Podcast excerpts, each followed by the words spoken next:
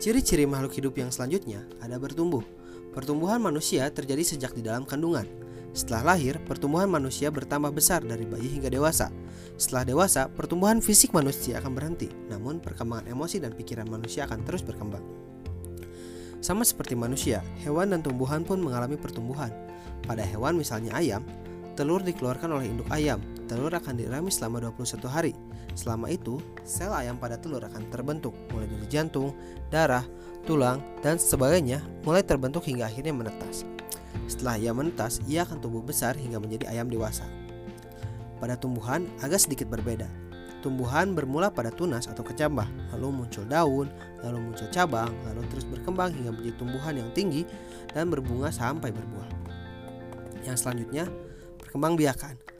Perkembangbiakan hewan ada yang disebut dengan ovipar, vivipar, dan ovovivipar. Perkembangbiakan secara ovipar atau juga disebut dengan bertelur, contohnya adalah pada ayam, ikan, burung, kupu-kupu, dan lain-lain. Yang kedua ada vivipar atau beranak.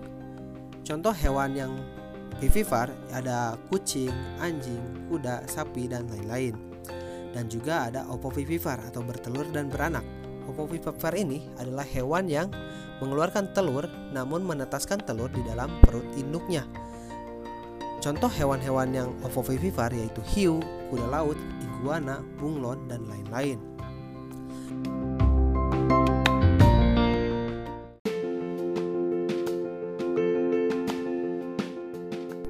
Yang selanjutnya ada perkembangbiakan pada tumbuhan.